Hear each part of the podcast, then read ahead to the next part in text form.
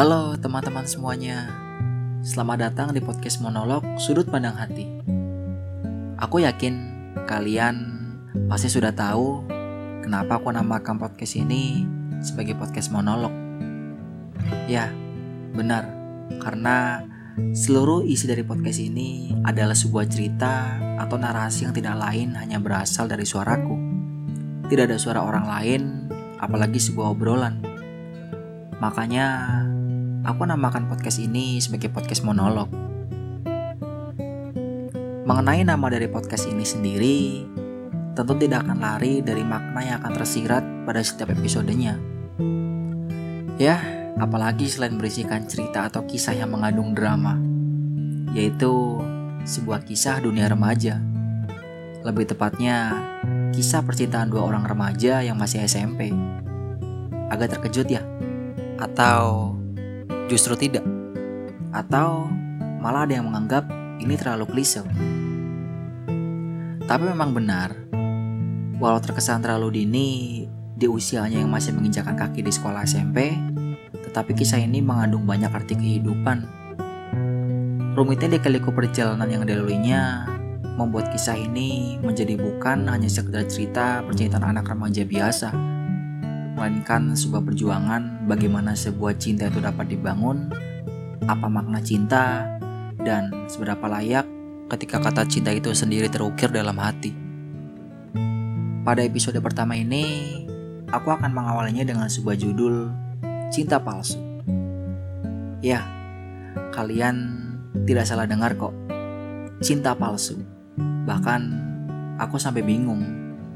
Ini bisa disebut cinta dari mana?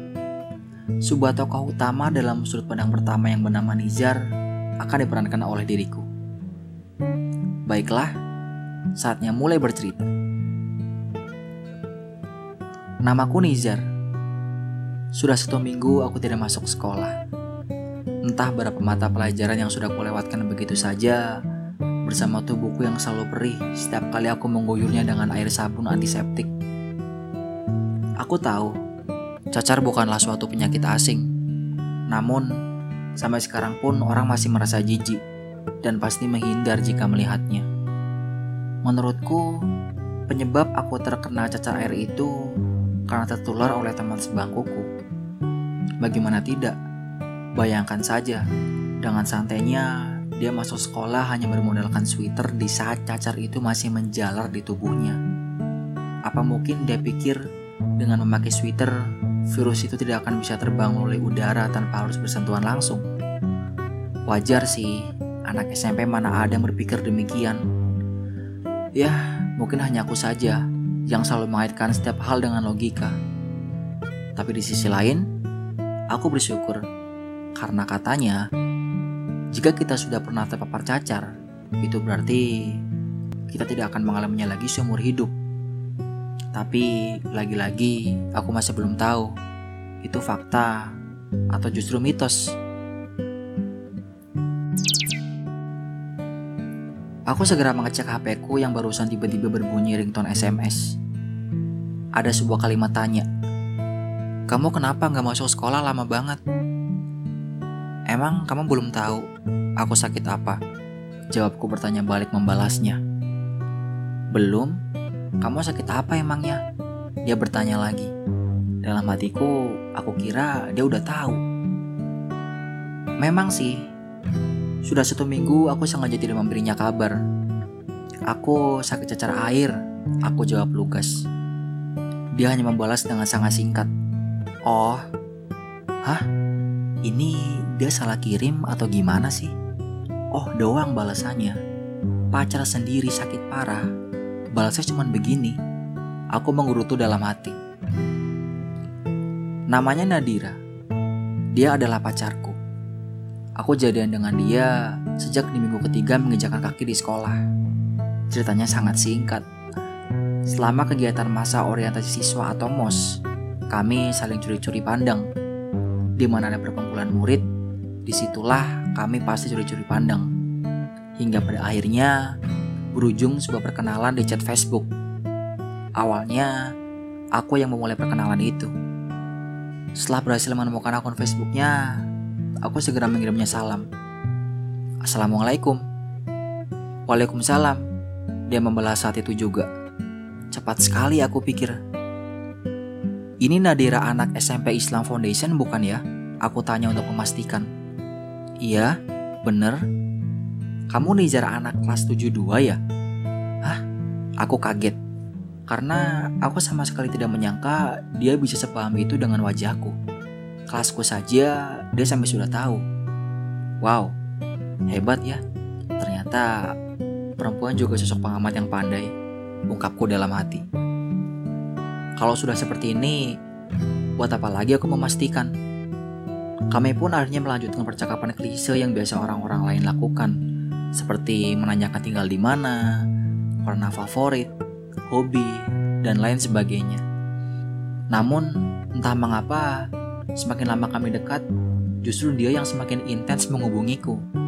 Sampai pada sebuah kejadian yang sangat tidak kuduga dan untuk pertama kalinya ku alami dalam hidupku. Yaitu, dia menembakku lebih dulu untuk dijadikan pacar. Cukup kaget? Bagaimana denganku yang saat itu membaca kalimat chatnya langsung?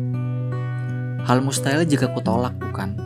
Karena ya memang aku juga naksir sama dia. Bahkan hampir setiap malam kami habiskan untuk teleponan bersama. Dari perihal yang sangat langka itu, justru aku berpikir, apa ini yang namanya cinta? Oke, aku paham. Status pacaran adalah tanda bahwa kita telah ungkap rasa cinta antara satu sama lain. Terlepas mau siapa duluan yang mengungkapkannya, bukan? Tapi, jika kita tarik lagi ke depan, saat sudah jelas aku mengalami penyakit yang menurutku tidak biasa, mengapa dia seolah tidak ada respek sedikit pun? Dan sejak saat itu, aku meragukan hubunganku dengan dia. Takkan ada asap bila tak ada api. Sebuah peribahasa yang selalu kupercaya. Aku mencoba menghubungkannya dengan sikap Nadira saat itu. Apa benar hanya karena aku terkena cacar, dia bisa berubah seketika? Kalau iya, Aku tidak percaya. Enggak apa-apa kan? Aku begini? Lanjutku bertanya di SMS. Maksudnya? Dia heran. Ya, emang kamu mau punya pacar yang kena cacar? Mungkin dari kalian ada yang menganggap aku bodoh karena sudah melontarkan pertanyaan semacam itu. Yap, memang benar. Mau bagaimana lagi? Aku hanya ingin tahu apa jawaban Nadira Aku hanya ingin tahu apakah dia benar-benar mencintaiku atau tidak. Itu saja kok. Tetapi Nadira malah menjawab, "Ya enggak sih." Tertusuk sudah hatiku oleh kalimat itu. Aku kira sudah tidak perlu kujelaskan lagi bagaimana perasaanku pada saat itu. Oh, gitu. Ya udah, mau putus aja. Tanpa pikir panjang, lagi-lagi jari-jariku langsung refleks melontarkan pertanyaan bodoh. Dan jawabannya adalah ya udah dengan sangat padat dan jelas. Sesingkat itu, ya, benar. Itulah yang terjadi. Jadi, kesimpulannya adalah bahwa aku tidak bodoh kan. Malah semua jadi jelas. Namun, aku hanya masih tidak menyangka mengapa ini bisa terjadi. Mungkin ada yang berpikir aku telah melakukan kesalahan besar terhadapnya, seperti menyakiti hatinya, selingkuh, dan semacamnya. Berkali-kali hal mustahil itu sudah kupikirkan sebelum pertanyaan bodoh yang pertama kulontarkan. Sampai mengakhiri hubungan adalah jalan yang telah ia setujui begitu saja tanpa sama sekali adanya pertikaian ataupun masalah besar. Jika kesalahanku disebabkan oleh menghilang selama tujuh hari, itu sangat tidak lucu. Lagi pula, hanya tujuh hari Alasannya pun sangat logis. Aku sakit dan butuh istirahat total. Tepat pada hari ke-10, aku kembali masuk sekolah. Suasana hiruk pikuk yang sudah lama kurindukan telah kembali menyambutku.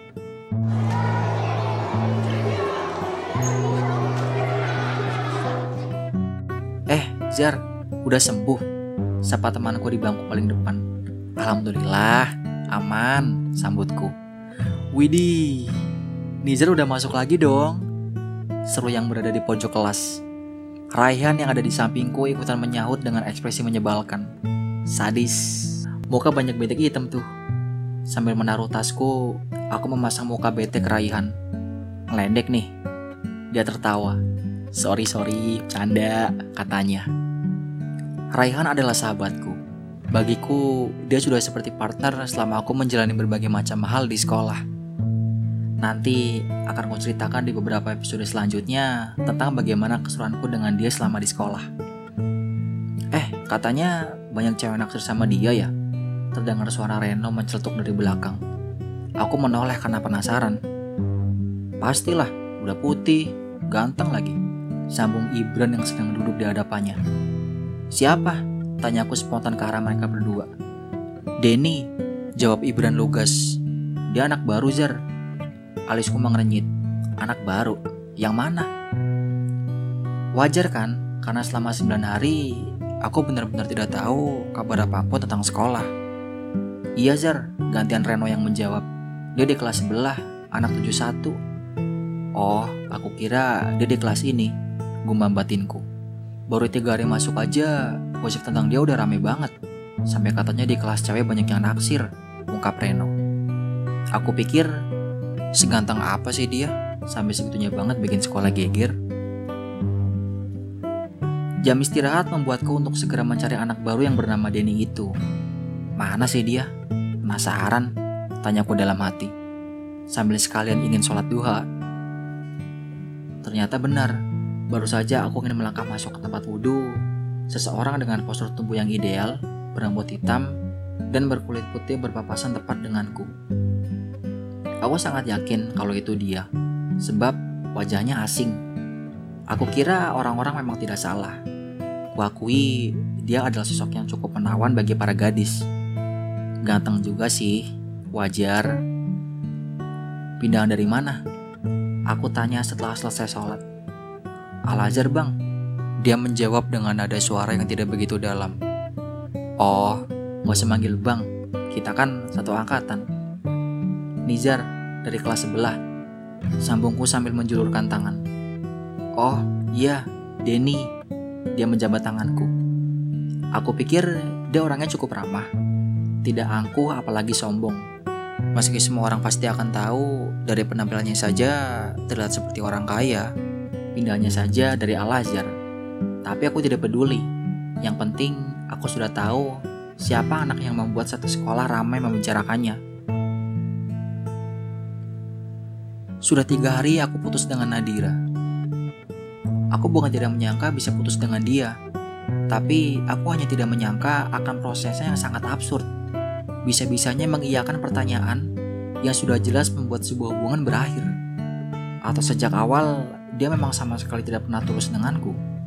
Lalu untuk apa dia menembakku saat itu? Apa benar bahwa perempuan bisa serumit ini? Kalau iya, bagaimana aku bisa percaya pada seorang perempuan lagi? Eh, ada yang habis jadian nih. Terdengar suara Ibran meledek dari arah belakang. Tidak mungkin jika aku tidak segera tercengang mendengarnya. Hah? Aku gak salah dengar kan? Ada yang baru jadian. Siapa? Dalam hatiku. Reno ikutan menyambut dengan siulan. Jelas lah. Namanya juga anak baru. Udah gitu ganteng lagi. Pasti banyak yang naksir lah. Udah jelas. Siapa lagi kalau bukan Denny? Aku termasuk salah satu orang yang beruntung. Sebab tidak ada orang lain yang mengetahui hubunganku dengan Nadira sebelumnya. Kecuali Raihan. Tapi terus terang, aku salut dengan Raihan. Dia memang benar-benar sahabat terbaikku. Bagaimana tidak? Sebelum aku pernah jadian dengan Nadira saja, sebenarnya aku sudah tahu bahwa Raihan pun menyukai Nadira. Dia sendiri yang bilang, bagusnya dulu Raihan tidak mengetahui kalau aku pun menyukai Nadira. Sampai berujung penolakan cinta dari Nadira karena pada saat itulah justru aku penyebabnya. Dan bodohnya, Nadira memberitahu itu ke Raihan. Kecewa bukan? Itulah penyebab mengapa aku tidak lekas menembak Nadira, padahal kami sudah cukup dekat. Lalu tiba-tiba, aku terkejut dengan semua Ibran selanjutnya. Cie-cie, Nadira. Hah? Gimana gimana? Aku gak salah dengar kan? Barusan dia nyebut nama Nadira. Aku hilang akal seketika. Sekejap, Raihan pun melirik ke arah aku telak, seperti orang heran juga. Apaan sih Bran? Berisik kamu mah. Sanggah Denny yang tiba-tiba baru bersuara sejak tadi. Ibran dan Reno hanya tertawa. Begitu juga dengan yang lain.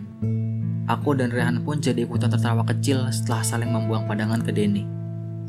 Oh, pantesan. Masuk akal sudah semuanya. Benar kan kataku? Takkan ada asap bila tak ada api. Aku tidak akan pernah berpaling dari berbahasa itu. Sejak awal, aku sudah menduganya.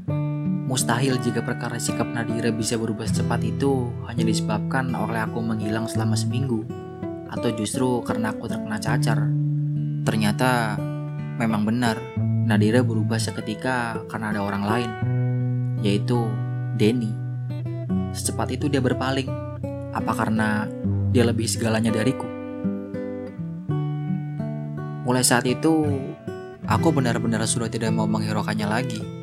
Mau sama Denny kek, atau siapa pun kek, mau satu sekolah dia pacarin pun, terserah. Aku sudah muak Hatiku semakin teriris jika terus memikirkan sifat asli Nadira. Yang hampir semua orang juga sudah tahu bahwa ia adalah tipe perempuan yang berani memulai lebih dulu untuk mendekati laki-laki. Tapi sayangnya, namanya akan tetap kusebut di beberapa episode selanjutnya. Peran dia dalam ceritaku tidak hanya sampai sini, walau dia sudah bukan siapa-siapa aku lagi. Ya sudahlah, apa boleh buat. Begitulah kisah cinta pertamaku. Maka dari itu, aku namakan episode ini sebagai cinta palsu. Aku tidak sudi jika aku sebut ini adalah kisah cinta sungguhan. Apa pantasnya?